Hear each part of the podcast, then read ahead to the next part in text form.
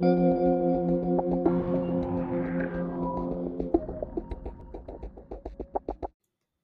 ny vokter. Det var noen som rusket i ham. Var det allerede gått en halv time? Han hadde gitt dem beskjed om at de måtte vekke ham etter nøyaktig en halv time. Fra huset til Ranhild og Odd er det ti minutter til huset ditt med sykkel, Oda.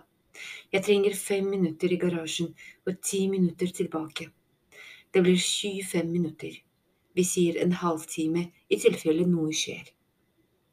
Han åpnet øynene og så rett opp på Radhild. Det hadde virket. Han var på rommet til Nina.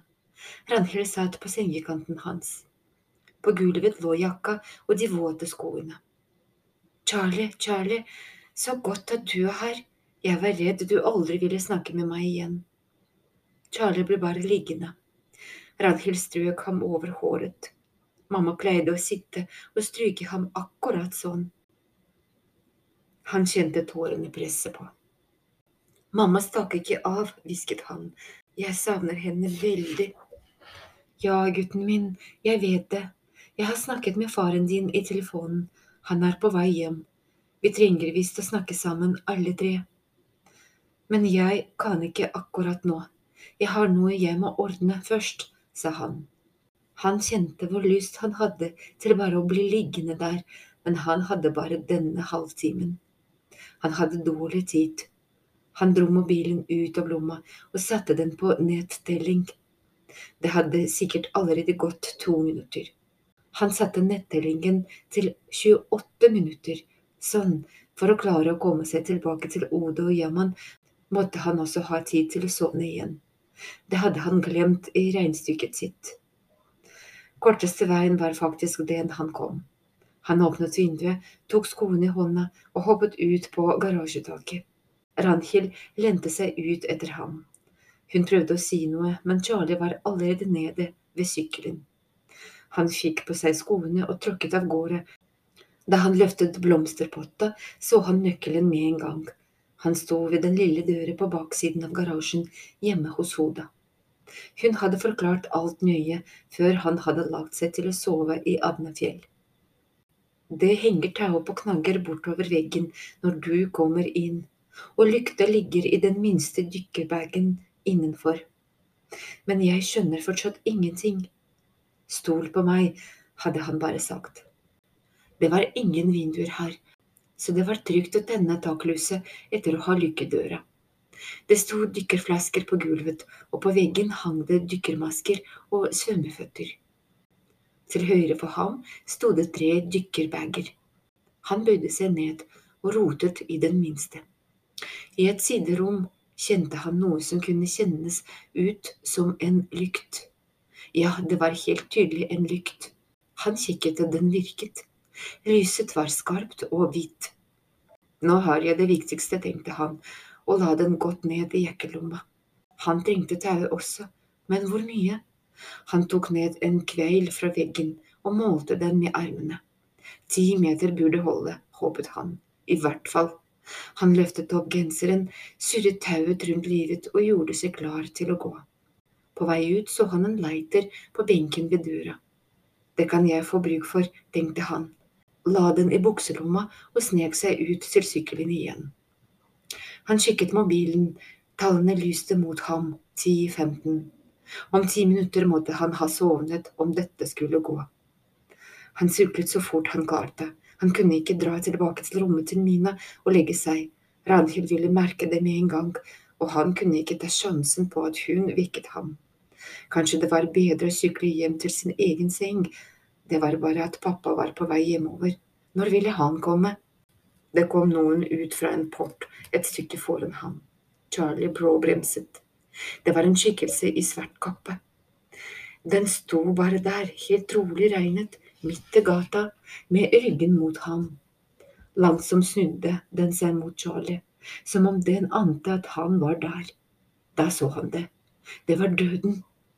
Ansiktet som lyste mot ham, var et dødninghode. 50 meter fra ham, i regnet, sto selve døden. Langsomt kom den mot ham, som om den ville hente ham. Charlie satte foten klar på pedalen for å stikke av, men i samme øyeblikk kom flere skikkelser ut av porten. Det var som om gravene hadde åpnet seg. Charlie ville sykle, men kom ikke av flekken. Han visste jo at han var våken, men dette var mer uvirkelig enn den rareste drøm. På gata fulgtes av med mørke skikkelser. De kom mot ham nå, alle sammen. Charlie kunne se skjeletter, hekser og vampyrer, og noen hadde blod i ansiktet. Døden stanset brått. Knask eller knep, knask eller knep, gjentok alle og løp mot det neste hus. Halloween, selvsagt, det var jo halloween i dag. Charlie hadde helt glemt det. Det var bare barn i halloweenkostymer, ingenting å være redd for. Igjen kikket han klokka. Bare åtte minutter igjen, dette gikk ikke. Han vrengte sykkelen rundt og syklet tilbake. Garasjen, han måtte prøve der. Det var umulig å rekke å sovne noe annet sted. Han slengte fra seg sykkelen ved hekken ute på veien og løp det han kunne inn porten. For andre gang snek han seg inn i garasjedøra. Det lå noen presanger i hjørnet. Det fikk være seng. Det hang dykkerdrakter på veggen ved siden av tauene. Han tok den minste. Sikkert Ode sin, og la den under hodet som pute. Deretter trakk han en av presengene over seg, det var hardt å ligge der, men det fikk ikke hjelpe. Han sjekket mobilen, 2.50. Han måtte klare å sovne her inne på under tre minutter, umulig. Du er Charlie drømmevandrer, det er klart du klarer å sovne i garasjen med presangen som dyne og en dykkerdrakt til pute, mumlet han til seg selv. Det er klart du kan sovne selv om du vet det haster noe innmari. Han tvang kroppen til å slappe helt av. Han konsentrerte seg om ikke å tenke. Nei, det gikk bare ikke. Ta deg sammen, hvisket han. Hundre barn er avhengige av at du sovner. Ta det sammen. Igjen prøvde han å viske ut tankene. Han tenkte på vann, på tjernet der mamma pleide å bade. Han lyttet til sin egen pust. Rolig nå, rolig. Inn, ut, inn, ut, som svømmetak, rolig svømmetak. Han lot ryggen synke ned i det harde gulvet. Han lot armene og beina bli tunge. Inn, ut, inn, ut. Charlie, Charlie, du må våkne! Det var Oda. Han hadde klart det. Han var tilbake i Adnafjell. Charlie dro opp genseren sin og viste henne tauet. Lukta her i lomma mi, sa han. Lenger kom han ikke, for det samme ble alle faklene tent, og glitteret foran huleåpningen åpnet seg. Skjult og vokterne hennes var tilbake. Hun gikk rolig til tronen sin, hun hadde en sølvkurv på armen som hun ga til Mina idet hun passerte henne. Og så satte hun seg. Barna var våkne nå, alle stirret mot Mina. Da er det mat, Rashid, det var tydelig at hun og Rashid skulle dele ut mat og vann. Det var bare det at Rashid ikke var der. Mina prøvde igjen. Rashid, det er mattid. Hun kikket uskyldende mot skyld, satte ned kurven og gikk rundt brønnen for å hente ham. Han sov sikkert ennå. Plutselig satte hun et hyl og kastet seg tilbake. Fram, fra baksiden av brønnen kom det en vokter.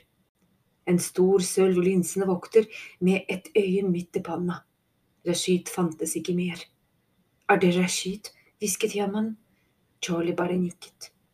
Den nye vokteren glefset mot Mina og knurret mot barna. Brillene mine, det var jammen igjen. Han satte dem på seg og stirret på Rashid-vokteren. Jeg vil hjem, hvisket han. Charlie så opp mot Skjul. Hun sang ikke, hun lo. Hun satt der og lo, lavt og truende. Med ett reiste hun seg fra tronen og kom ned på gulvet. Rolig begynte hun å gå mellom barna, som om hun lette etter noe. Alle var stille.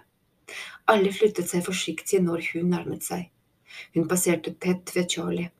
Han kunne kjenne lykten av henne. Hun luktet metall.